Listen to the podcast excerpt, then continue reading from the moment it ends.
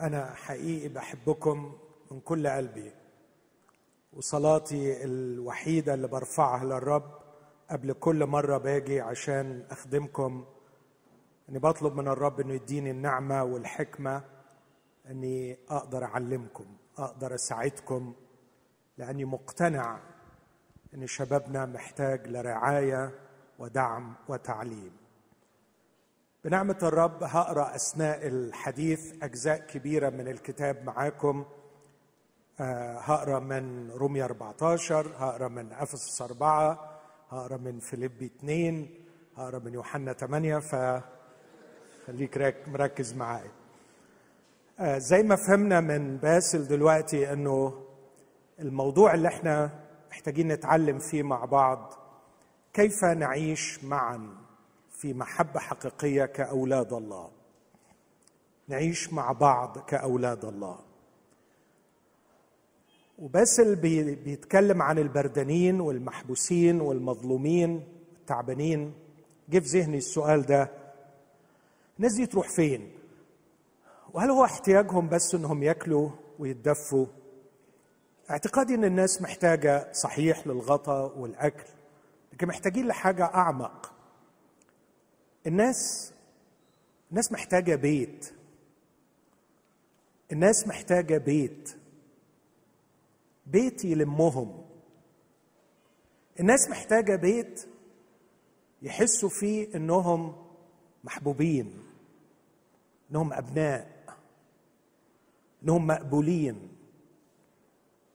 بيت يوفر ليهم غذاء عاطفي تقدير حب. احترام. بيت بيوفر حضن صادق نقي حقيقي. بيت بيسمع أفكارهم وعنده حكمة يصححها. مش بيسكتهم لكن بيسمعهم. ومش بيسمعهم وما عندوش حاجة يقدمها. بيت بيعترف بقيمتهم وكرامتهم. في نفس الوقت عنده استعداد يغسل رجليهم ويصححهم. الناس محتاجة بيت. البيت ده نجيبه منين؟ الحقيقة مشروع الله في الكنيسة إن الكنيسة تكون بيت ومش بيت حد. لكن بيت الله. رسول بولس كتب رسالة لتيموثاوس بعد ما تركوا في أفسس عشان يرعى الكنيسة هناك قال له أنا كتبت لك الكلام ده علشان تعرف كيف يجب أن تتصرف في بيت الله كنيسة الله الحي عمود الحق وقاعدته. وأنا أزعم وأقول إن الله أهدى البشرية عطية عظيمة أعطى البشرية كنيسة إنها تكون بيت للغريب واليتيم والمفقود والمجروح والمهمش والمحطم والمأسور يطلع ويلاقي بيت يلمه. بس البيت ده مش مباني مش حوائط مش خرسانة مش مناظر. البيت ده بشر اتغيروا واتشافوا أو بيعيشوا رحلة شفائهم وابتدوا يتعلموا إزاي يحبوا وكونوا خبرات يقدروا يقدموها للوافد الجديد اللي جاي مجروح وبردان وجعان. ناس ابتدت تعرف تحضن وتعلم وتشجع. أعتقد ده أكتر شيء الناس حوالينا محتاجاه. كل اللي بتحتك بيهم تعبانين. ومحتاجين لبيت. ومفيش أجمل من بيت الله. وبيت الله هو مجموع البشر اللي الرب يسوع خلصهم وعملهم مع بعض بيت الله.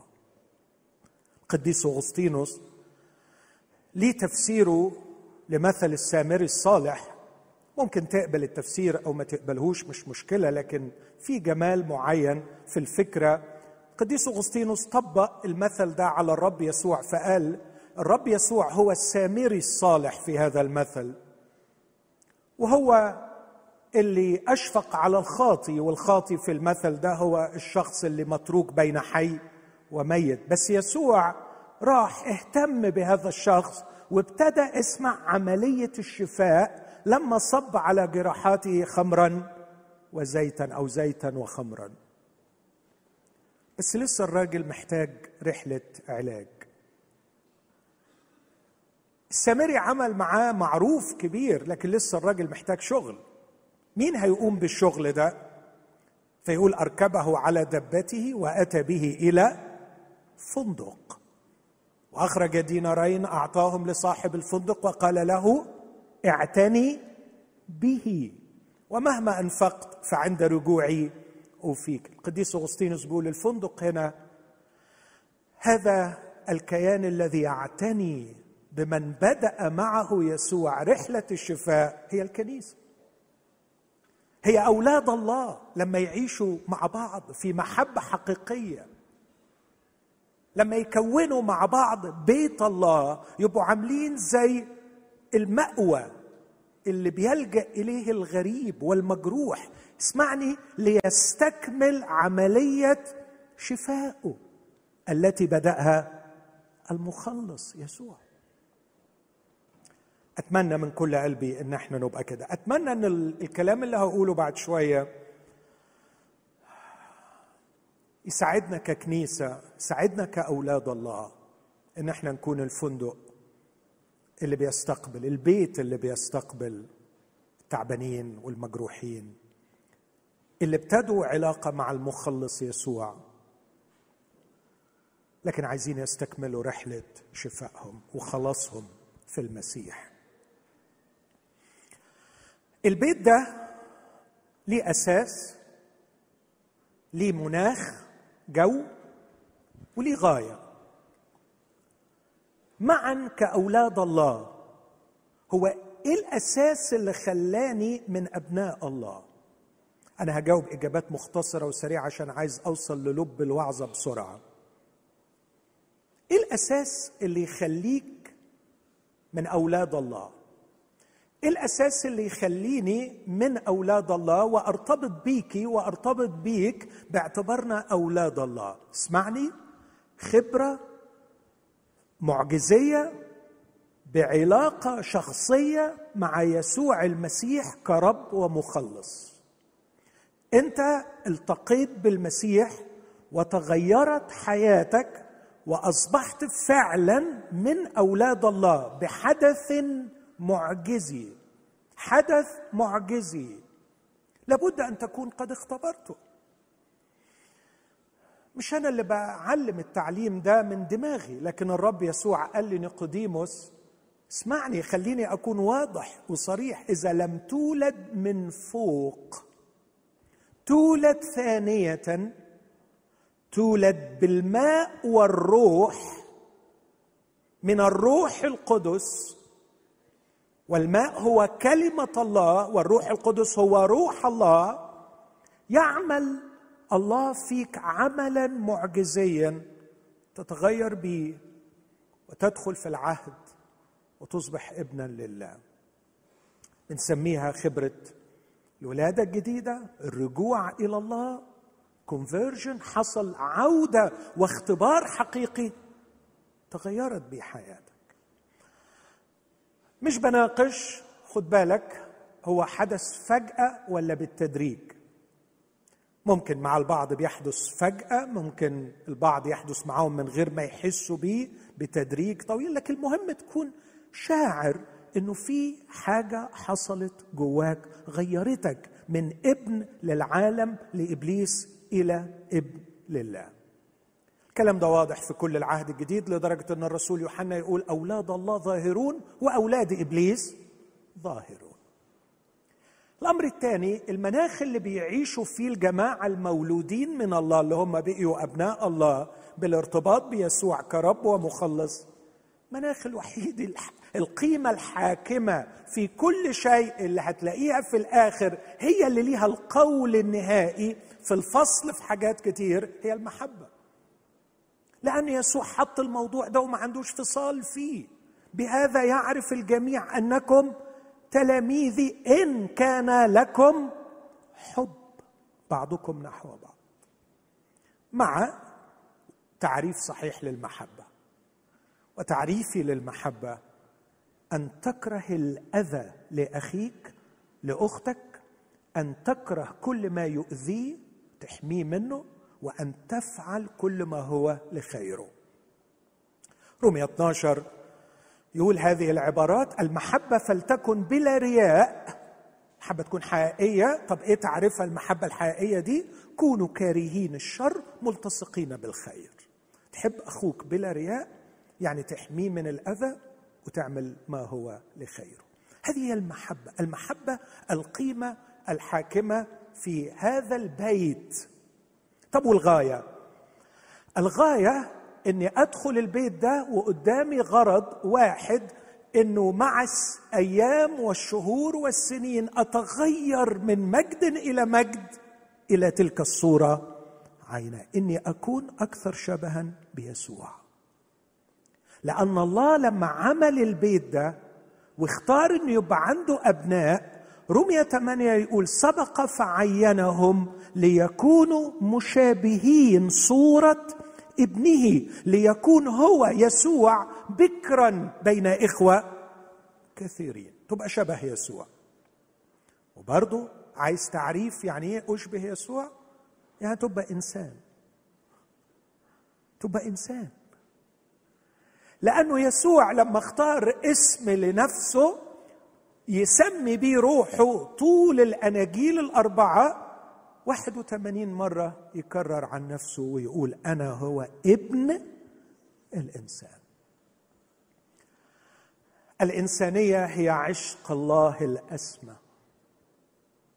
منذ طالعنا الكتاب بأول صفحة لقينا الله بكل شغف بيقول أحلى حاجة هعملها أتوج بيها الخليقة. نعمل الإنسان أعمل الإنسان. وكأن ده قمة أعمال الله وهو فعلا قمة أعمال الله. يعمل إنسان. حلمه الكبير حبه الكبير شغفه الأول. يعملني إنسان. أبقى إنسان. ولما فسدت لم يتراجع. وقرر أن يفتديني ولو ببذل ابنه لكي يسترجعني. أكون إنسان. كان كل ما يعمل حاجة حلوة يقول حسن جميل جميل جميل. بس أول ما عمل الإنسان الجميل قوي. حسن جدا. رسول بولس كان عايز يشرح المعجزة دي إزاي إزاي ربنا غير الناس وخلى الناس اللي أخلاقها بايظة زي الوحوش؟ اتكلم عن الكريتيين في رسالة تيتوس صح ثلاثة وبيقول الكريتيين كذابين وحوش ردية بطون بطالة. بس سبحان الله اتغيروا. اتغيروا بقوا حاجة جميلة قوي. فبيحاول يشرح هم إيه اللي حصل معاهم. فيقول في تيتوس ثلاثة لكن حين ظهر اللطف مخلصنا الله. وإحسانه. لا بأعمال في بر عملناها نحن بل خلصنا بغسل الميلاد الثاني وتجديد الروح القدس. غسل الميلاد الثاني أدي الولادة الثانية تجديد الروح القدس. بس خد بالك الكلمة اللي قالها. حين ظهر لطف مخلصنا الله وإحسانه. الكلمة دي في اليوناني كلمة جميلة فيلانثروبي وتعني حين ظهر لطف الله وعشقه للإنسان غرامه بالإنسان متيم بالإنسان وقطع العهد إن ما فيش قوة في الوجود هتمنعه من إيجاد الإنسان. على الجانب الثاني يا شباب اسمعوني اسمعوني من فضلكم في النقطة اللي جاية دي مهمة. عندما درست كثيرا في التاريخ البشري وفي الفلسفات البشرية وفي الواقع من حولي وجدت أن القوى الروحية الشريرة كل عملها موجه لشيء واحد إفقاد الإنسان إنسانيته. غرض كل قوى الشر كل القوى الروحية الشريرة الكارهة لله هي في حربها الروحية على الإنسان إنها تفقده إنسانيته. فيا إما تجعله يتأله بالكبرياء أو يتحيون باللذات والمتع ويصير وحشا أو مدمنا. فإما يتأله أو يتحيون لكن لا يبقى إنسان. على الجانب الآخر عمل الله في الخلق وفي الفداء في يسوع المسيح. هو أن يسترجع لك إنسانيتك. إنك تبقى إنسان. إنسان. ويمكن خيالك يسرح وعقلك يطرح سؤال يعني إيه أبقى إنسان لو عايز إجابة مختصرة قوي؟ تبقى شبه يسوع. تبقى حلو زيه. تبقى بتفكر زي ما هو بيفكر. تبقى دماغك زي دماغه. وعقلك زي عقله. واخلاقك زي أخلاقه وصلابتك زي صلابته ويبقى عندك استعداد إنك تتحمل حتى الموت موت الصليب. ويبقى عندك استعداد تفحم وعندك استعداد تحب وعندك استعداد تتكلم كالسيد وتنحني وتغسل الأقدام. إنسان. إنسان. الأساس هو خبرة خلاصية رائعة لا يمكن أن يصفها إلا من اختبرها. عمل عظيم غسل الميلاد الثاني وتجديد الروح القدس. أدعو من قلبي أي شخص لم يختبر هذه الخبرة أن يفتح قلبه ويطلبها. هذا هو الأساس. المناخ هو المحبة بمعنى محدد أن أكره الأذى لأختي لأخي وأن أفعل ما هو لخيره والغاية أننا ندعم بعضنا بعضا في هذا البيت كأولاد الله لنكون مشابهين صورة ابن الله. صورة يسوع يعني أكون أسمع بأعلى صوت أن أكون أن أكون صوت ني غرض الخلاص في المسيح يسوع أن أكون أيوه كده.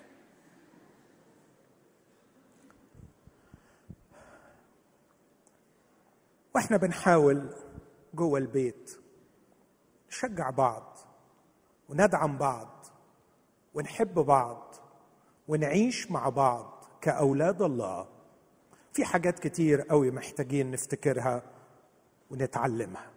وأنا اللي حابب أقف عنده ثلاث حاجات محتاجين نتذكرهم كأولاد الله يحكمون في علاقتنا ببعض في إجابتي على السؤال كيف نعيش معا كاولاد الله.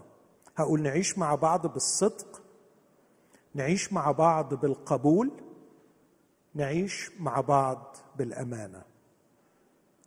وهميز بين الصدق والأمانة في آخر كلمتي لكن خليني أقف قدام كل كلمة من الكلمات الثلاثة. عايزين نعيش مع بعض كأولاد الله علشان نحقق الغرض إنه أختي اللي معايا كبنت لله أو أخويا اللي معايا مع الأيام يبقى بيحب الرب يسوع أكتر وبيتشبه بيسوع وبيتغير وبيبقى شبه يسوع يعني يبقى إنسان. فأنا محتاج أكون صادق. يعني إيه صادق؟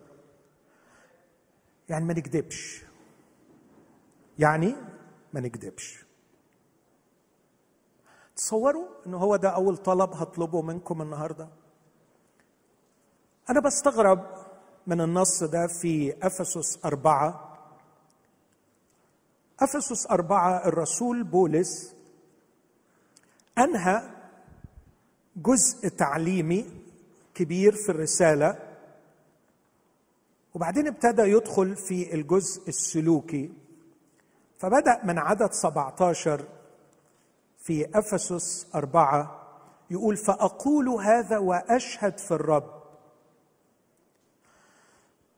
أشهد قدام الله عليكم وأشهد الله عليكم أن لا تسلكوا كما يسلك سائر الأمم. ما تسلكوش زي ما الناس بتسلك. ما يصحش تعيشوا زي ما الناس عايشة. وأكتر حاجة الناس عايشة بيها هي الكذب. الكذب. كم الكذب الموجود حواليك مخيف. وكل ما هتشغل دماغك أكتر وتبطل مش عارف أقول إيه مش عارف أقولها بلغة عربية كويسه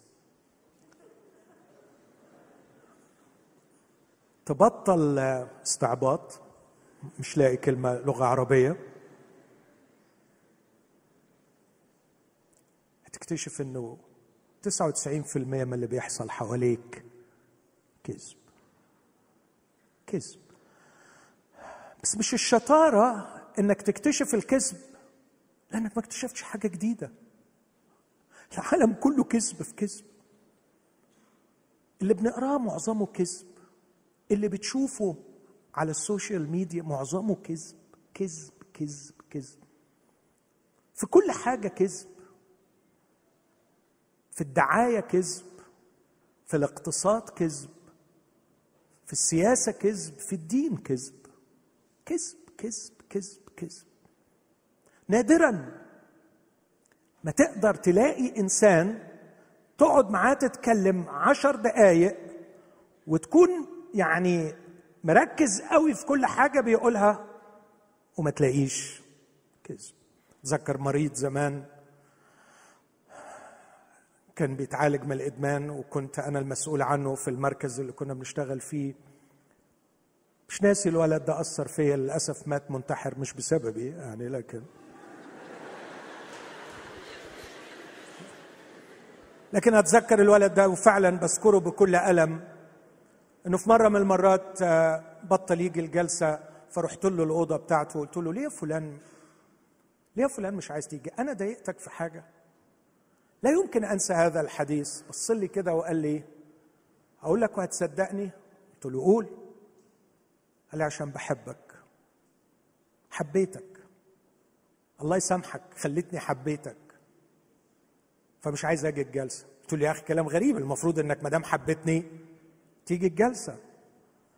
قال لي أنا معجون بالكذب وما أقدرش أقعد مع حد من غير ما أكذب عليه. وفي قعدتي معاك برضه بضطر أكذب بس برجع الأوضة معذب. لأني كذبت على حد أنا بحبه. ولأني مش قادر أبطل كذب قلت أحسن ما أجيش الجلسة. أنا معجون بالكذب.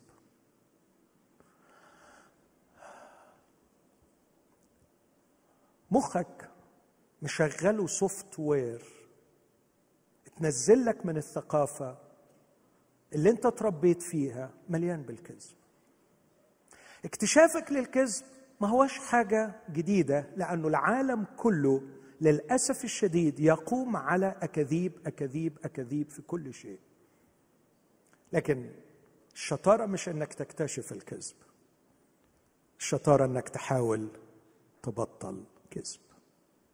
بص الرسول بيقول لهم الناس ماشيين ببطل ذهنهم إذ هم مظلموا الفكر متجنبون عن حياة الله لسبب الجهل الذي فيهم بسبب غلاظة قلوب وعمال يشرح المأساة اللي تدهور إليها الجنس البشري لغاية ما يوصل لعدد 25 يقول لذلك لذلك يا أولاد الله يا شباب يا اللي حبيتوا الرب يسوع يا اللي نلتوا الخلاص لي رجاء عندكم. لذلك اطرحوا عنكم الكذب وتكلموا بالصدق.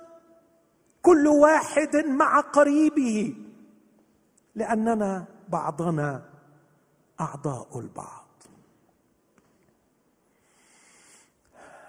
جوردن بيترسون اسم مشهور حاليا في عالم السايكولوجي أو ربما هو الأشهر على مستوى العالم في عالم السايكولوجي. كتير لما يجي يتكلم عن الكذب اللي في العالم يبكي أحيانا هذا العالم الجليل العظيم. من كتر ألمه على الكذب اللي موجود في الدنيا. وكتير يشجع وهو يتكلم كلام علمي يقول اجعل الحقيقة تخترقك كنار وتحرق الكذب فيك. خلي الحقيقة تخترقك كنار بطل كذب بطل كذب. واقتبس من دوستويفسكي أو دوستويفسكي الكاتب الروسي العملاق اللي انصحكم تقروا له أي رواية ترجمت إلى العربية في أكثر من رواية ترجمت لي. قال عندما تكذب على شخص اسمع كل العالم يتأثر. اوعى تتصور إن الراجل ده كان بيهجس ويقول اي كلام. في نظرية تانية اسمها أثر الفراشة. واحد عالم عمل نظرية وقال إنه ممكن رفرفه جناح فراشة في اليابان تعمل إعصار في سان فرانسيسكو. وساب أثبت هذا أثر جناح الفراشة بيسموه butterfly effect ولما تمشي ورا النظرية تلاقي ليها فعلا وجهة نظر. أنت لما بتعمل كذبة على حد بتكذبي على واحدة سواء على الفيسبوك أو في حديث أو بأي طريقة أنت بتزيف الواقع أنت بتشترك في خلق شيء وهمي. صاحبك بيشتري صاحبك بيبلع بيبقى جواه هو شيء زيف شيء وهمي. يروح يتصرف مع صديقه هيتصرف بشيء وهمي. صاحبه يشتري الزيف اللي منه بقي فيه حتة مزيفة. هيروح يتعامل هيتكلم هيتكلم بطريقة مزيفة. أنت تشترك في صناعة الزيف. الذي يسود كل هذا العالم. العالم غارق في زيف وفي كذب وللأسف نحن نشترك أحيانا في تغذية هذا الواقع المزيف. عندما لا نتحرى الدقة في الكلمة التي ننطقها عندما لا نتحرى الدقة في التكست مسج اللي بنبعتها عندما لا نتحرى الدقة في الانطباعات اللي بنعطيها. بنكذب. وخد بالك في شخص شرير رديء قاعد ما وراهوش حاجة في هذا الكون إلا إنه يكذب. وعندما تكذب أنت كونتريبيوتنج للعمل بتاعه. أنت بتسهم في العمل. قال عنه يسوع في يوحنا 8 هو الكذاب. حد يفتكر بقية الآية؟ وأبو صححوا الترجمة هنا. وأبو الكذب. هو أبو كل كذبة. يعني أي حد بيكذب كذبة ده قاعد ورا ورا قعر راسه كده بيديها له. امسك أي كذبة في التاريخ وارجعها بثقة إلى إبليس. فهو أبو كل كذبة. بس العيب إن أنا يكون لساني بيخدم عليه.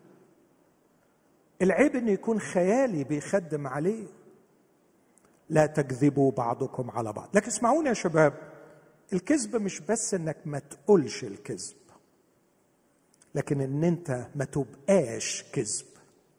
يعني تقول الحق وتبقى حقيقي. تبقى حقيقي. مرات ما بنكذبش بالكلام بس بنكذب الانطباعات اللي بنديها عن نفسنا للناس. ما بنكذبش بالانطباعات لكن بنعيش ازدواجية في الحياة. نحن جبناء. لا نخجل ابدا بسبب الجبن إن إحنا نعيش دبل لايف ونبقى عايشين في الخفاء نوع حياة ونقدم نفسنا للناس بشكل مختلف. انت عارف ان انت كده بتدهور انسانيتك؟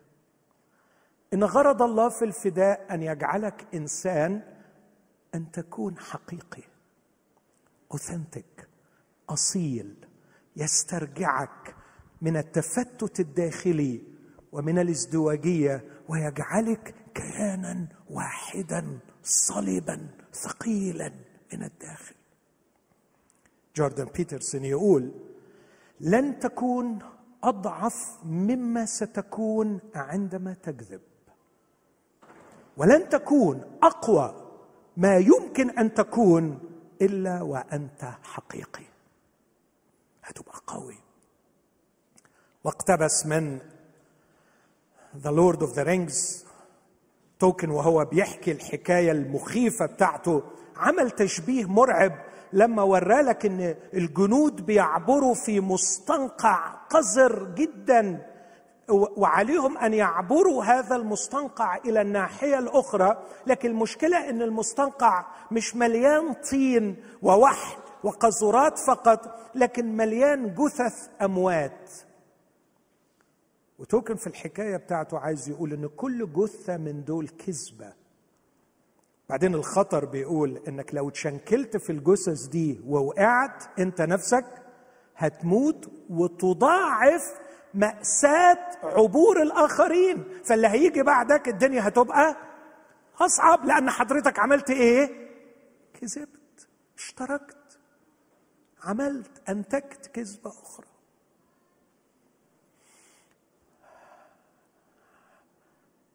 كن حقيقي وقول الحق وآخر حاجة وساعد إخواتك إن هم يكونوا حقيقيين. ساعد إخواتك يكونوا حقيقيين. مش إحنا عرفنا إن الحب الحقيقي إنك ما تخليهوش يتأذي وإنك تعمل ما هو لخيره. إذا لقيته بيكذب ما تطبلوش.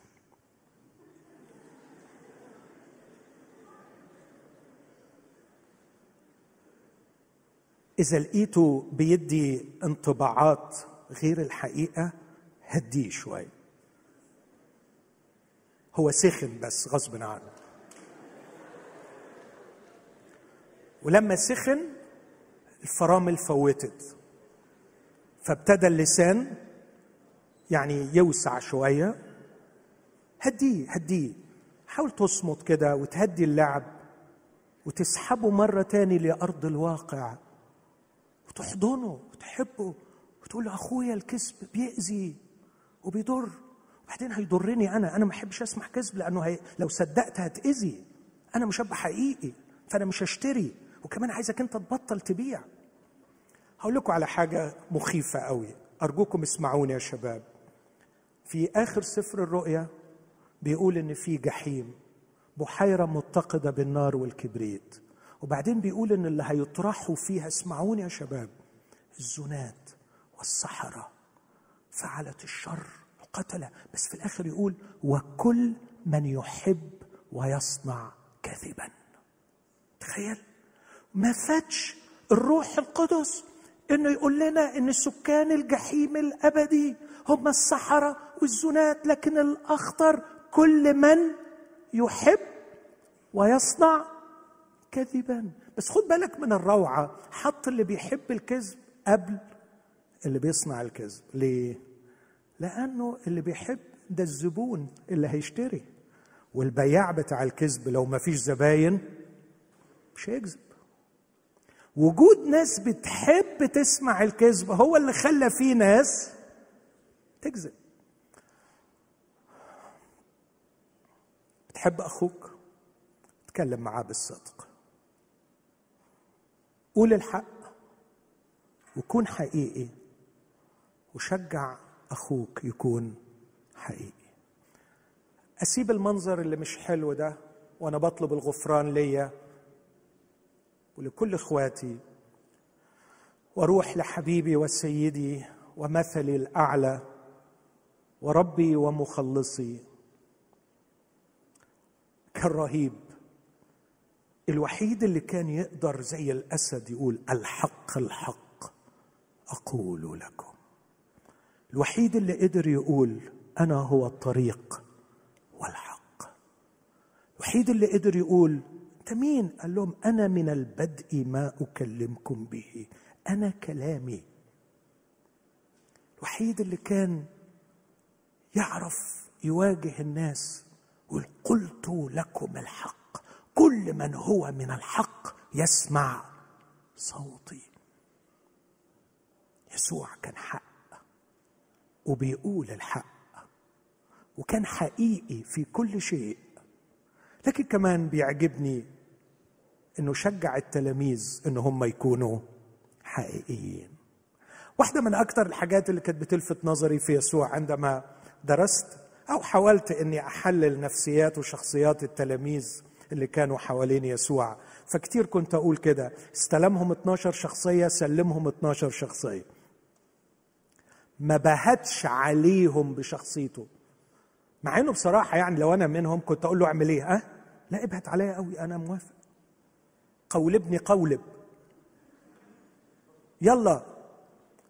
لكن يسوع كان جميل كان مريح في التعامل. فكان بيساعد الشخص إنه يكون حقيقي. ما كانش بيرعبهم بحيث إنهم يضطروا يقولوا كلمة ترضيه. ما كانش بيخوفهم بقعدته فيخبوا قناعاتهم كانوا بيقولوا له كلام غريب. وبيتصرفوا تصرفات غريبة. بس كانوا حقيقيين.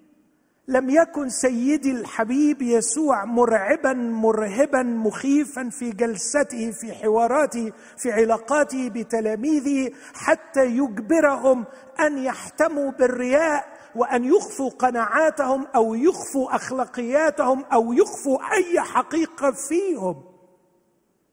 ياه! متى يا رب تصل بي إلى هذا الجمال وهذا النضوج؟ إني ما أخوفش حد من إخواتي اللي في علاقة معايا بحيث إنه يضطر يخبي حقيقته بالعكس يتشجع إنه يكشف نفسه قدامي لأنه عارفني إني هحبه وهحتضنه وهساعده إنه يتغير.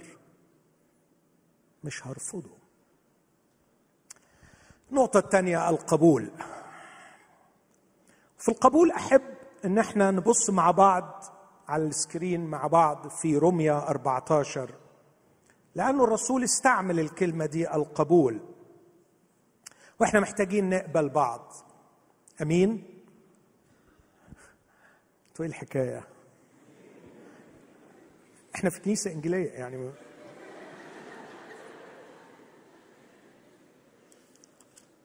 يعني تسمع إيه مين ما بتسمعوش الحاجات دي. طب قولوا معايا محتاجين نقبل بعض. آمين. بص كده بيقول في عدد واحد ومن هو ضعيف في الإيمان؟ احفظوا معايا الآية دي. احفظوها. قولوها معايا بصوت عالي. ومن هو ضعيف في الإيمان؟ فاقبلوه. لا لمحاكمة الأفكار. كلمة الأفكار هنا لو عايز أترجمها بشكل دقيق اترجمت في فيليبي 2 14 مجادلة. الكلمة اليونانية تبدأ بمقطع ديالوج. هو حوار داخلي بين الشخص ونفسه وبعدين رد عليه وجاب الحجج والبراهين فبقي قناعة في داخله. فأنا عندي مجموعة قناعات. يا ترى إيه دور قناعاتي في قبولك ليا؟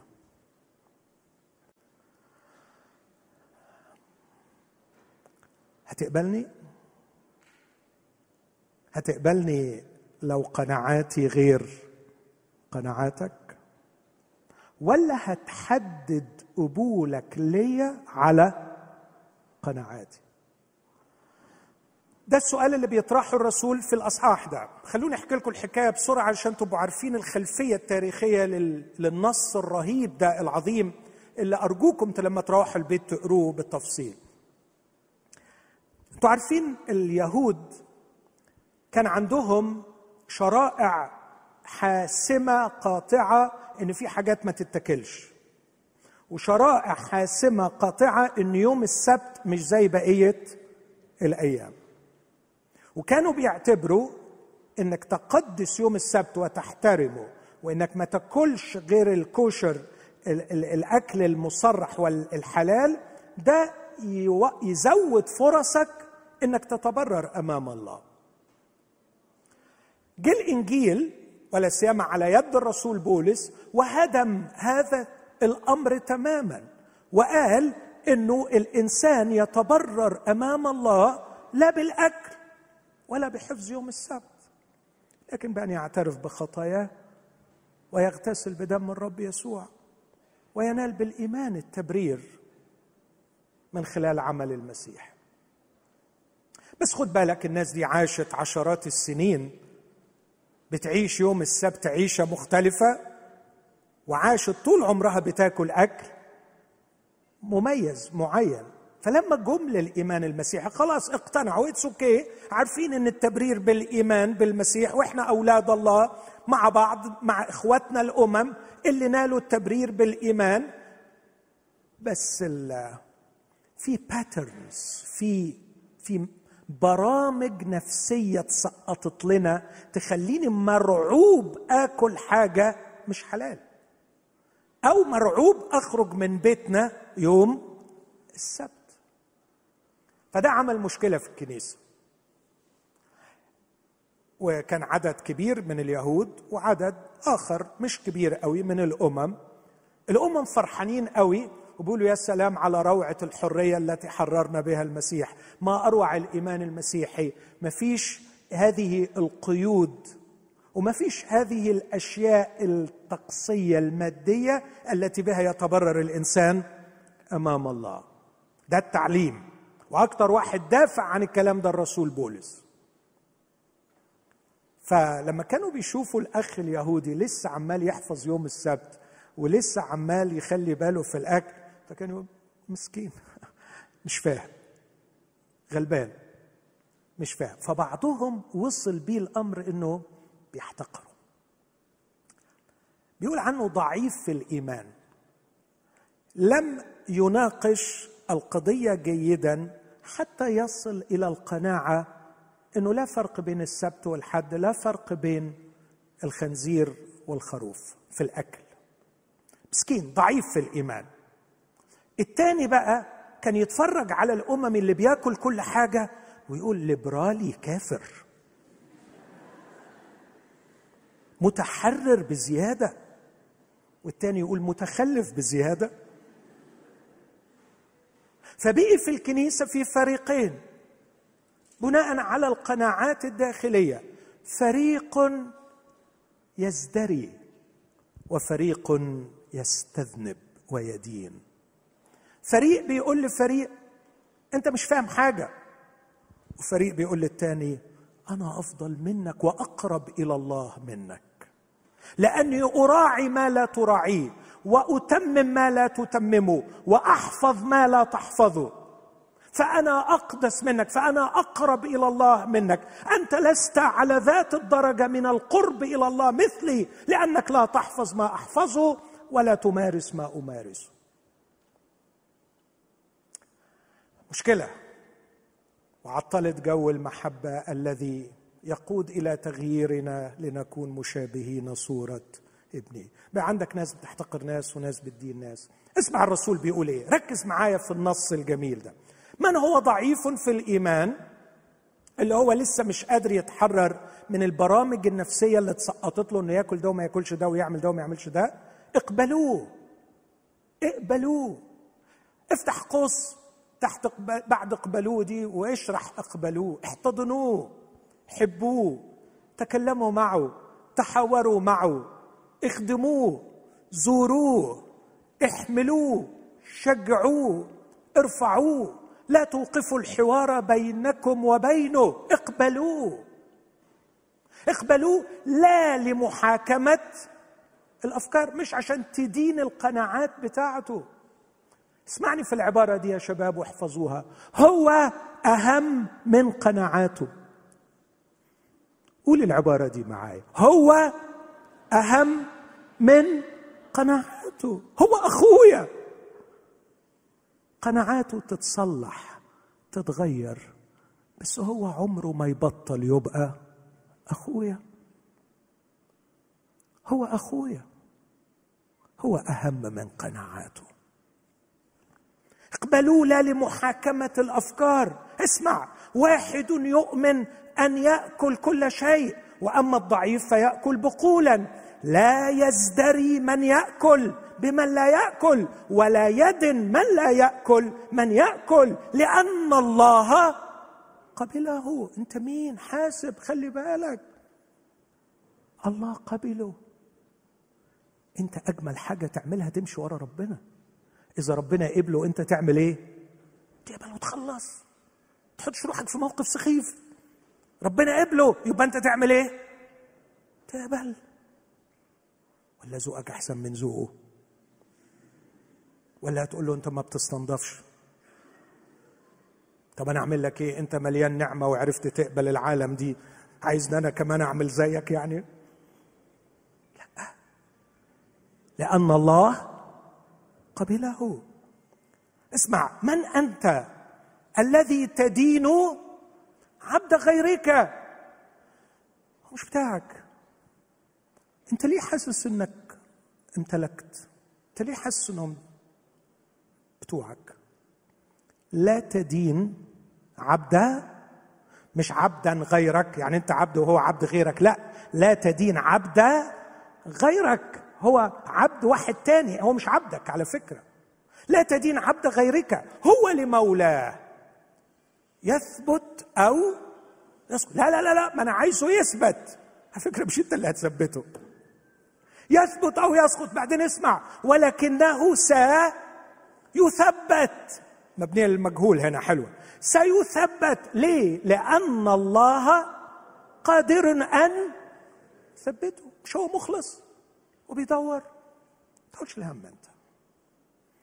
انت مش شغلتك تثبت ولا تسقط انت شغلتك تقبل. اقبلوا. لا لمحاكمة القناعات. حبوا واحتضنوا. آه بس كده هيقع. ما تخافش حبيبي. انت مش ربه. يقع ولا يقف ولا يثبت ولا يسقط. تشغلش بالك. تصلي من أجله وحبه واقبله لكن أنا عندي خبر رائع ليك سوف يثبت. لأن اللي جابه واشتراه بدمه سهران عليه وهو قادر أن يثبته لأن الله قادر أن يثبته. اسمع يكرر تاني يعمل نفس الفكرة. واحد يعتبر يوما دون يوم. اللي هو يوم إيه؟ عشان أطمن إنكم معايا. يوم السبت. أيوه كده. برافو. ده من المنيا أكيد. واحد يعتبر يوما دون يوم وآخر يعتبر كل يوم. يعني إيه يعتبر كل يوم؟ يعني كل الأيام أيام ربنا كلها حلوة. اسمع فليتيقن كل واحد في عقله. آه النص ده من أصعب النصوص لكن بعد ما تعبت كتير في دراسته أستطيع إني أقول لو عايز يعني ده, ده تصوري للنص. فليتيقن كل واحد في عقله يعني كل واحد يدرس قناعاته ويتيقن لنفسه. بس اعتقادي إنه من جهة اللي هقوله ده إيه اللي هيقوله؟ الذي يهتم باليوم فللرب يهتم والذي لا يهتم باليوم فللرب لا يهتم والذي يأكل فللرب يأكل لأنه يشكر الله. والذي لا يأكل فللرب لا يأكل ويشكر الله. العبارة دي عبقرية.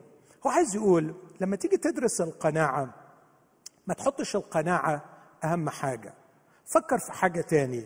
اسمعني في في العبارة اللي, اللي, اللي هقولها لك دي. القناعات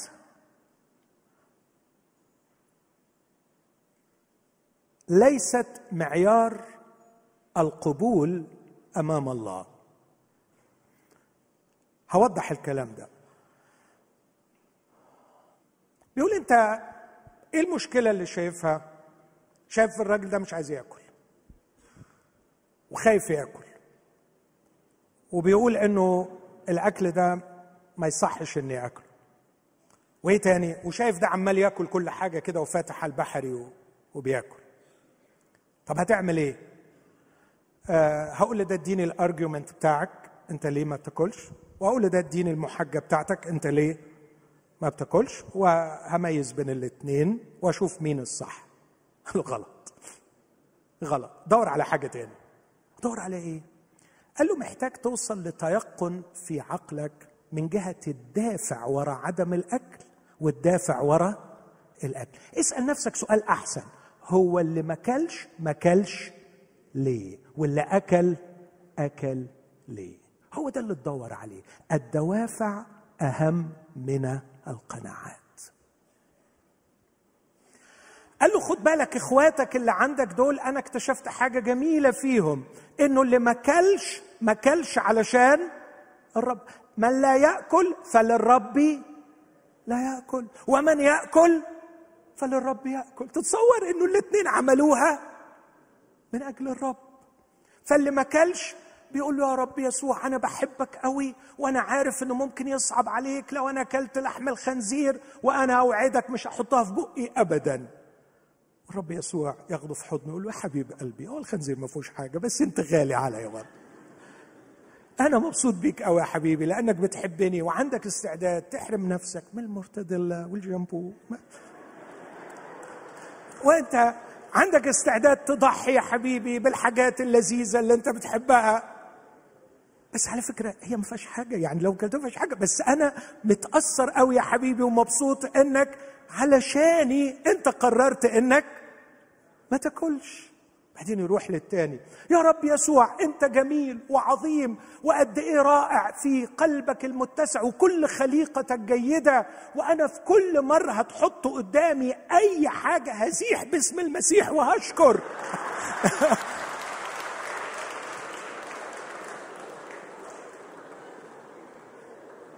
أنا مبسوط قوي يا رب إنك بتديني كل الخير ده وكل خليقتك جيدة وأنا مستمتع بالأكل. والرب يسوع يقول حبيبي بس ما تزحش كتير لكن أنا مبسوط. مبسوط إنك بتاكل فاهمين الفكرة؟ بصوا روعة النص. من لا يأكل فللرب. الدافع بتاعه كان إيه؟ بيحب الرب. والتاني اللي عمال يأكل الدافع بتاعه إيه؟ عايز يشكر الرب. فده للرب وده للرب. ثبت أن المعيار عند الرب هو الدافع وليس القناعة. الرب ينظر إلى القلب. الرب ينظر إلى القلب. وعايز أقول لكم من خبرتي في الحياة رأيت ناس يتبنون قناعات صحيحة مية في المية بدوافع شريرة. ورأيت ناس يتبنون قناعات خاطئة بدوافع مقدسة. وتقييم الرب ليس للقناعات لكن للدوافع. أنا عارف طبعا إنه ممكن حد يكوت مي وياخد دي ويقطعها ويقول الله يسامحه مقدما وأنا مسامحه. القناعات مهمة. القناعات لا قولوا لي عشان بس يعني حمايتي أنا. القناعات لكن الدوافع أهم. كان الفريسيون ذوي قناعات صحيحة في كثير من المجالات لكن لم تكن الدوافع صحيحة. القناعات ليست معيار قبول أخي لكن علي أن أقبله لأن الله قبله. والدرس الثاني أن القناعات ليست هي معيار القبول عند الرب لكن الدوافع فورانا إنه الرب قابل اثنين بنفس المستوى رغم اختلافهم في القناعات لكن متعادلين متطابقين في إيه؟ في الدافع إن اللي ما كلش ما كلش للرب واللي اكل أكل للرب. لكن درس ثالث في هذا الجزء الرائع هو أن قبولك لأخيك أو عدم قبولك لأخيك بسبب قناعاته ليس هو المعيار النهائي. مع كل احترامي وحبي وتقديري لك على فكرة مش أنت اللي ليك الكلمة الأخيرة اللي تفصل في القضايا. اسمع الكلام اللي جاي ده. كلام رائع. أنتوا معايا في النص؟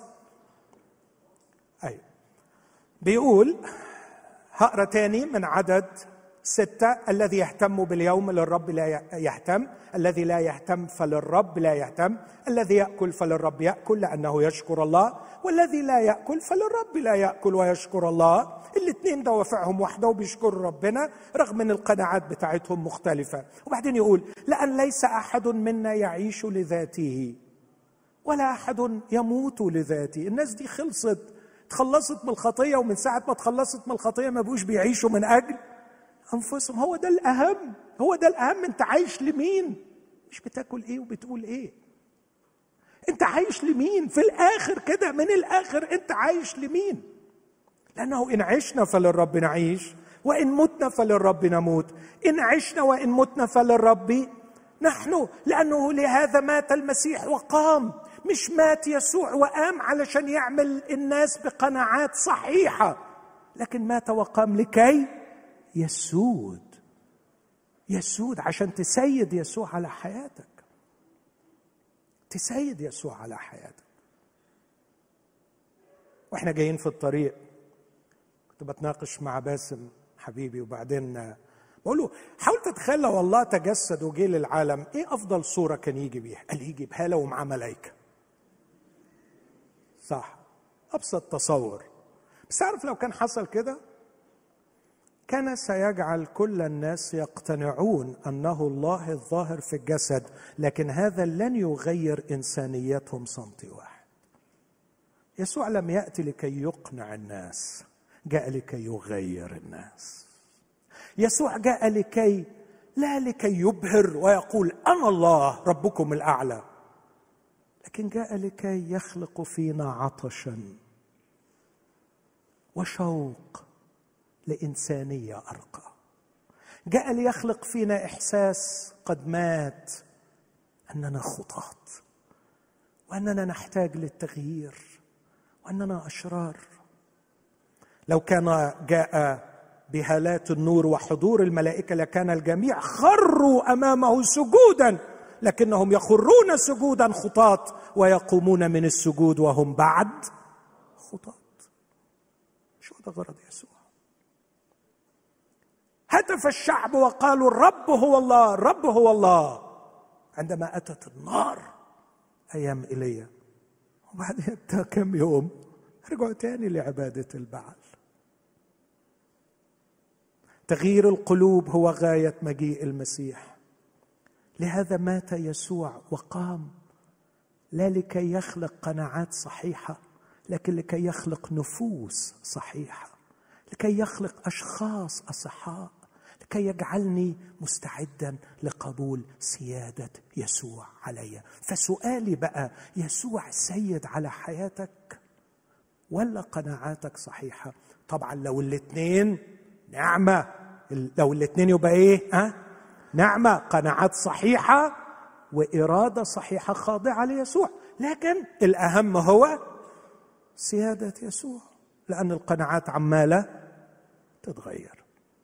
لهذا مات المسيح. وعاش لكي يسود على الأحياء والأموات. وبعدين يرجع ويقول وأما أنت فلماذا تدين أخاك؟ أو أنت أيضا لماذا تزدري بأخيك؟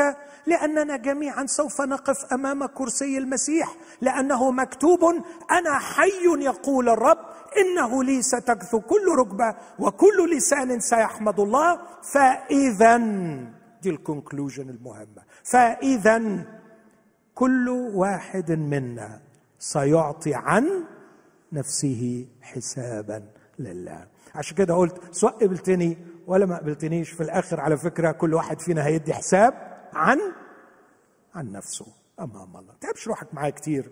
انت بس حبني واقبلني وحاول تساعدني. لكن رفضتني دنتني ازدريت بيا. على فكرة القول الفصل في موقفي مش لحضرتك لكن أمام كرسي المسيح. آخر حاجة أقولها هي أن المحبة أهم من القناعات. هقول لك على حاجة مهمة قوي رسول بولس دافع كالأسد عن خلط الناموس بالإنجيل. رسالة غلطيا كان عنيف جدا. وقال ما ينفعش يا جماعة حد يفسد الإنجيل وتقولوا إن في طريق للتبرير بعيدا عن الإيمان بالمسيح. ناموس لا يبرر.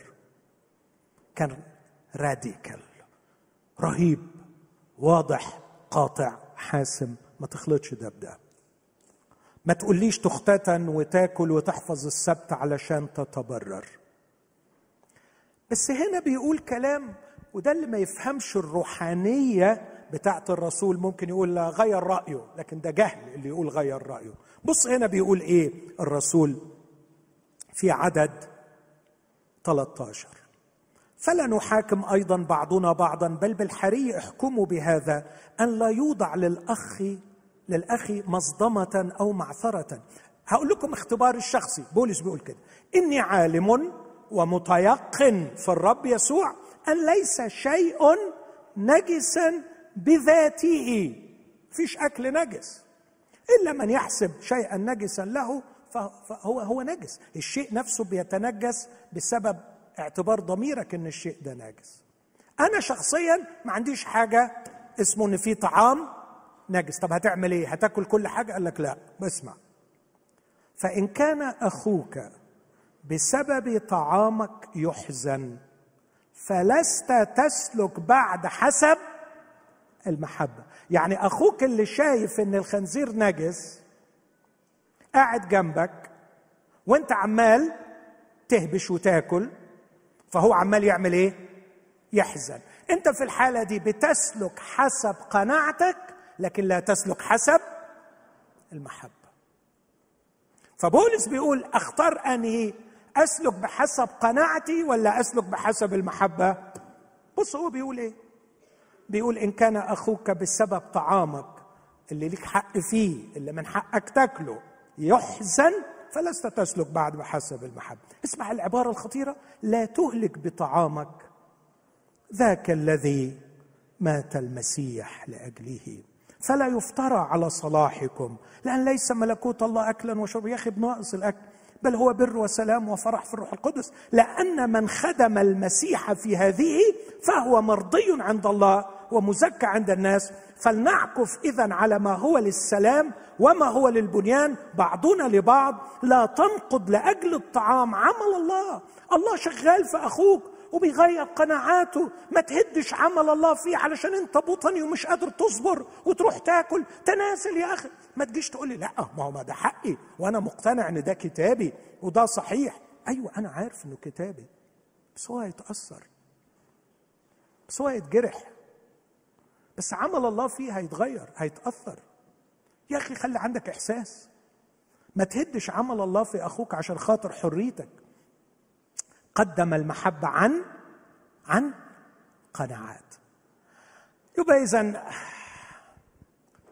القناعات ليست معيار القبول. والأمر الثاني اللي في غاية الأهمية القناعات ليست أهم من الدوافع. والأمر الثالث القبول لا يعتمد على قبولك لي لكن القول النهائي هو عند الرب. وأخيرا المحبة أهم من القناعات. دي المبادئ الأربعة اللي تحكمنا في قبولنا بعضنا لبعض. أمين؟ أعتقد إنه لو مارسنا يا شباب المبادئ دي هتبص تلاقوا كده من غير ما تحسوا. عقلك وسع وقلبك كمان وسع. أمين؟ قول له يا رب وسع عقلي وسع. قولوا صلوا معايا. يا رب وسع عقلي ووسع قلبي. أمين؟ أمين. إن شاء الله كده يبقى أربع مطارح وصالة. يسع يسع كثيرين. يا سلام لما يبقى قلبك متسع وعقلك أيضا متسع. آخر حاجة يا شباب أقولها معاكم وأختم بيها بسرعة شديدة. في تعاملاتنا بعضنا مع بعض أنا قلت الصدق والقبول والأمانة. واللي أقصده بكلمة الأمانة كلمتين صغيرين قوي أنا عايز أكون أمين لإلهي وأمين لإخواتي. في إني اسمعني في العبارة دي. أخدمهم لا أن أستخدمهم. ولا أجعلهم يستخدموني. هقول تاني. أخدمهم لا أن أستخدمهم. ولا أدعهم يستخدموني. طب ليه بقى؟ مش أنت بتحبهم؟ سيبهم يستخدموك. لا. لأنك لو عملت كده تبقى مش بتحبه. طالما أنت حبيت لنفسك إنك ما تبقاش شرير بتستغلهم اوعى تخلي حد يستغلك. لأنك كده أنت بتأذيه ولا بتحبه؟ تاذيه تحبه بجد؟ تخلوش يستعملك. بتحبيه بجد؟ بتحبيه بجد؟ تخلوش يستغلك. احمي جسمك. اوعي يلمسك مش من حقه. كده هيستعملك مش من حقه. المسيحية تعلمني المحبة أن أخدم أخي لا أن أستخدمه.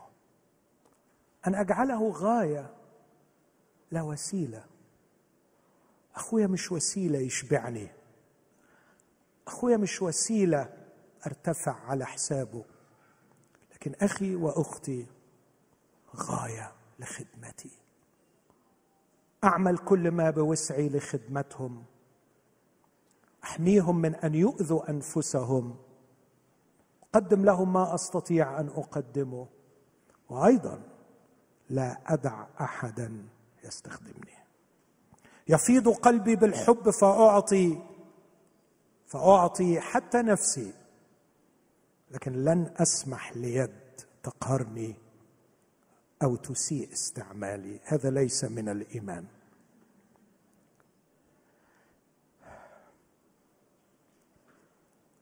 لكن عايز أختم بمنظرين من حياة الرب يسوع. يشرحوا شوية يعني إيه أخدم أخي. أحكي لكم حكايتين بسرعة.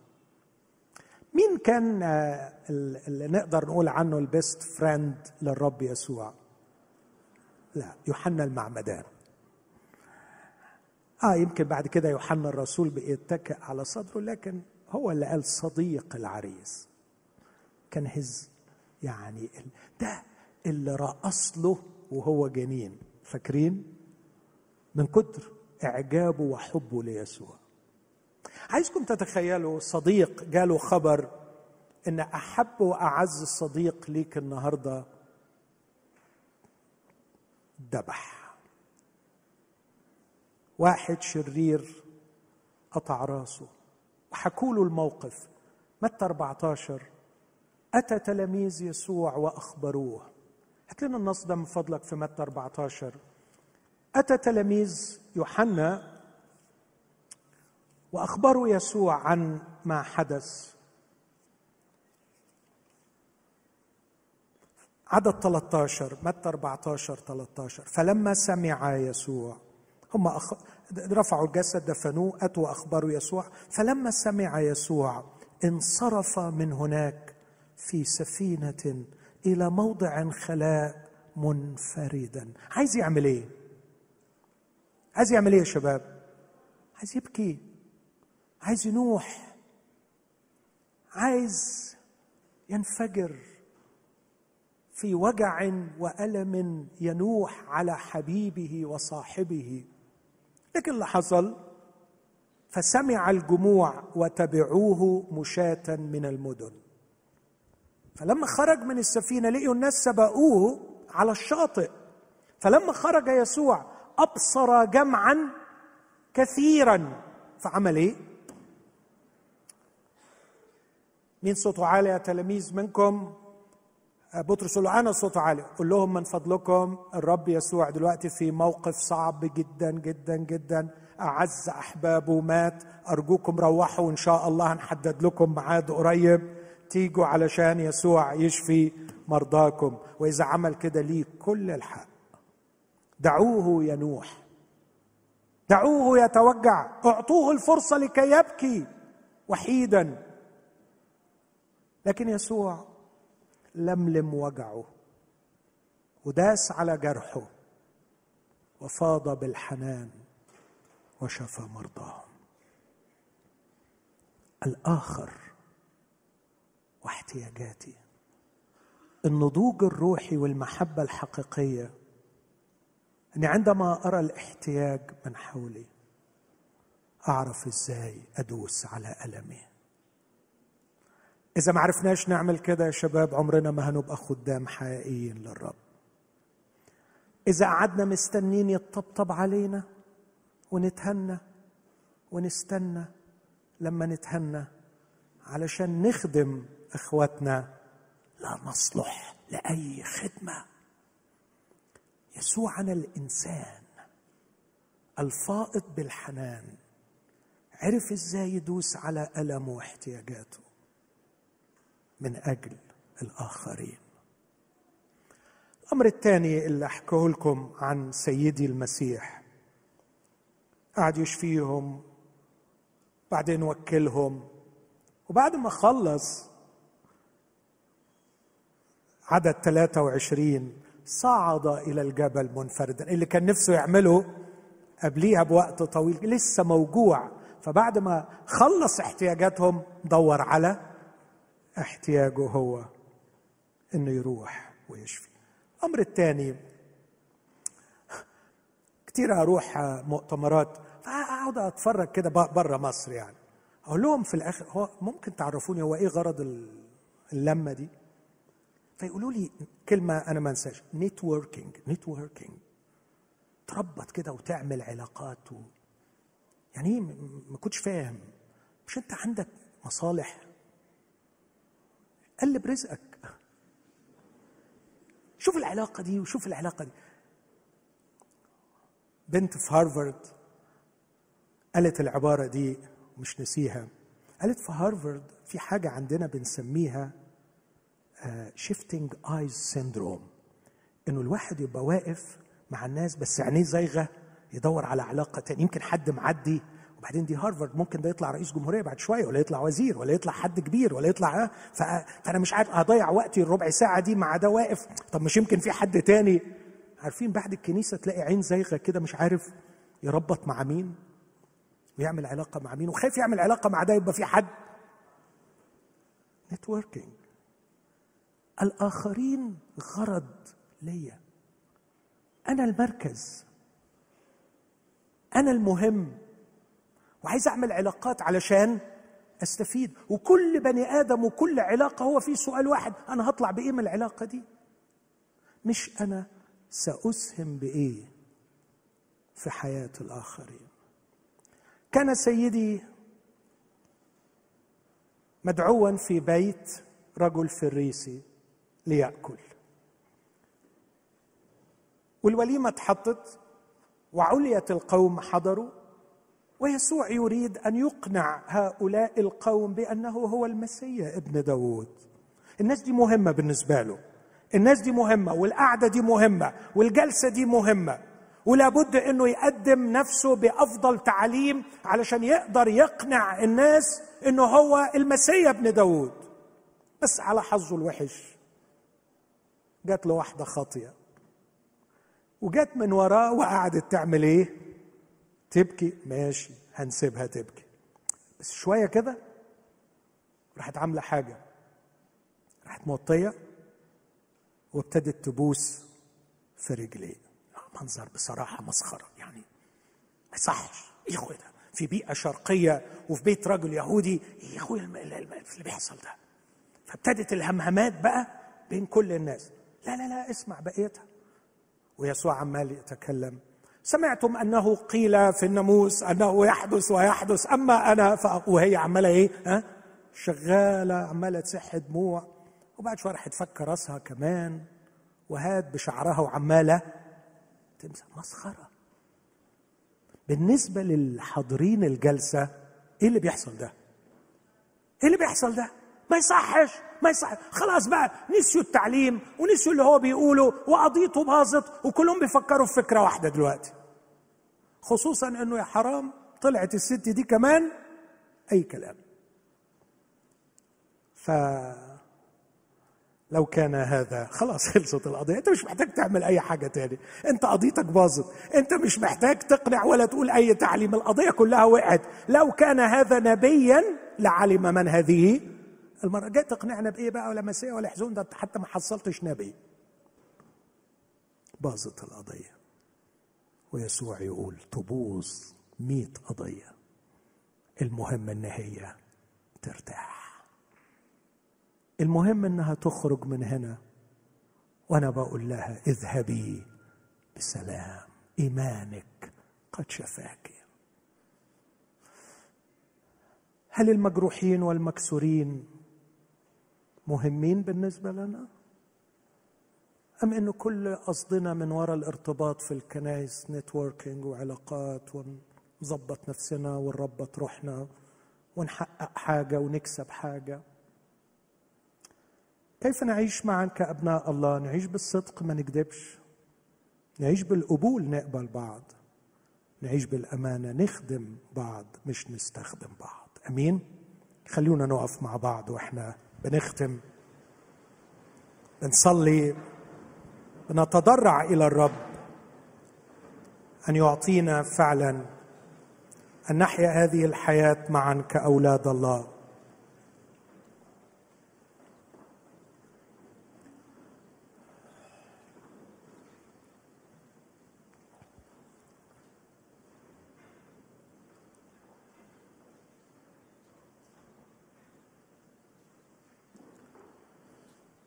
خلونا نبدأ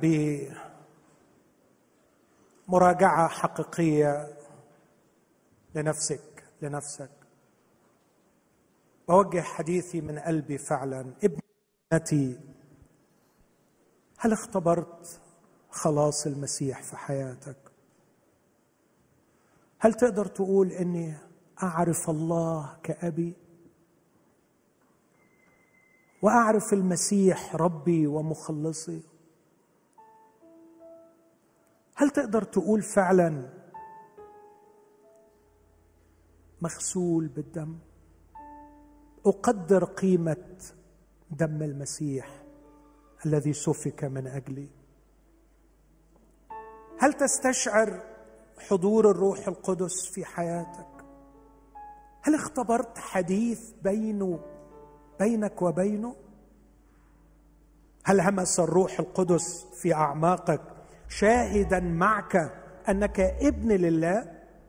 لأن الروح نفسه يشهد مع أرواحنا أننا أولاد الله. الإنجيل يغير المسيح يخلص. يوجد عمل حقيقي يجريه الروح القدس.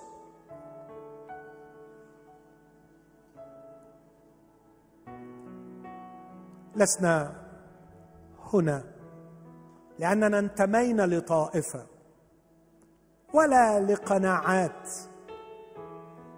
لكننا انتمينا للمسيح يسوع ربي ومخلصي تقدر تقول تقدري تقولي أنا بنت لله أنا ابن لله. إذا ما كنتش قادر تقول دي بثقة عايز أقول لك أوعى تفكر إن الرب زعلان منك أو بيحتقرك حاشا أو بيدينك. لكن الرب يسوع بيدعوك وبيدعوك الليلة. يقول لك افتح قلبك لي اطلبني. اطلبوا الرب ما دام يوجد. ادعوه وهو قريب. ليترك الشرير طريقه. ورجل الإثم أفكاره. وليتب إلى الرب فيرحمه وإلى إلهنا لأنه يكثر الغفران. إذا طلبت الرب من قلبك إذا طلبت الرب بصدق المسيح المخلص موجود موجود بيننا الآن. ارفع قلبك لي وقول له ارحمني اقبلني. اصنع معجزتك في حياتي وغيرني. يا حبيبي يا من قمت من الموت وقهرت الموت لتعطيني الحياة. حيني أيها الرب يسوع. اغفر خطاياي وحيني من فضلك.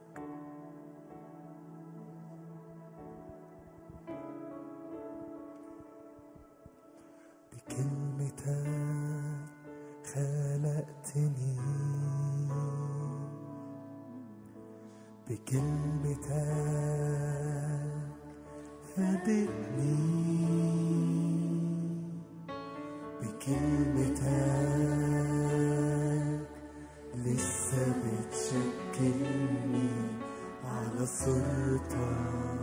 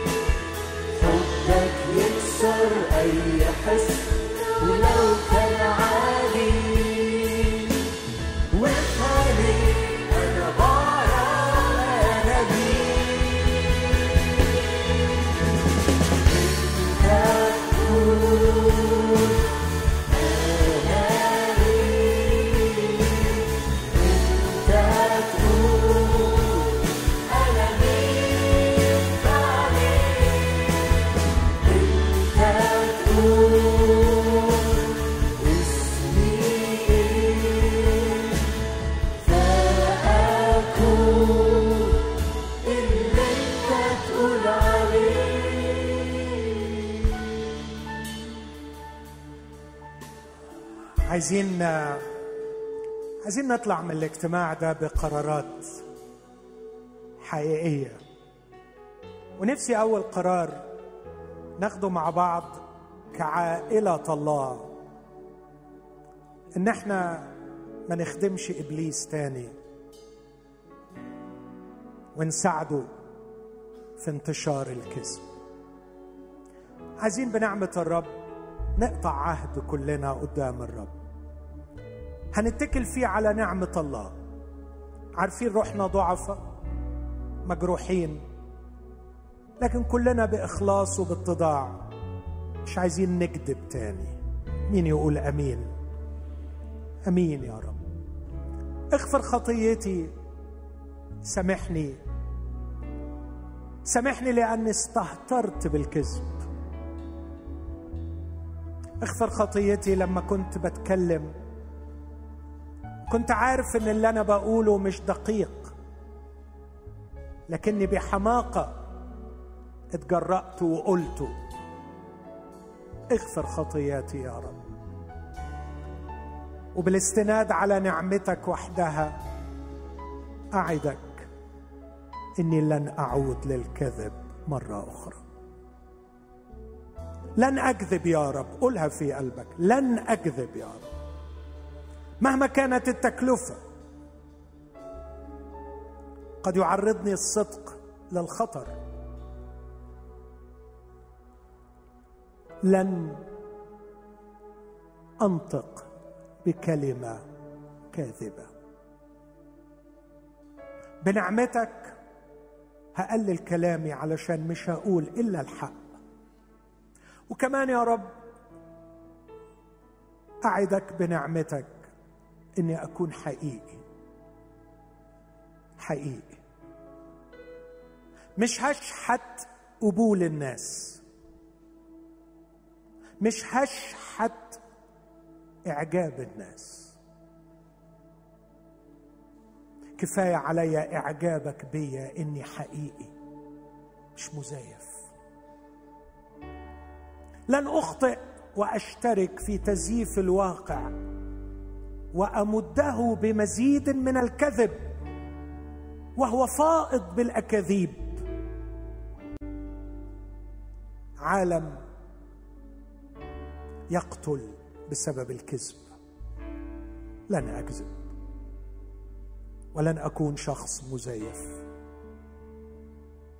هكون بنعمتك حقيقي. هكون وسط إخواتي حقيقي. وهكون في الخفاء قدامك حقيقي. وبنعمتك بتكل عليك أوعدك إني هساعد إخواتي يكونوا حقيقيين وهقبلهم. وأنا عارف إن القناعات مهمة القناعات مهمة القناعات مهمة لكن حد قبولي لاخواتي هقبلهم. وهحبهم. وهجتهد إن دوافعي تكون نقية فيما أنا مقتنع به. عشان أعيش زي ما أنت عايز. أحبك وأخدمك في جسدك. امين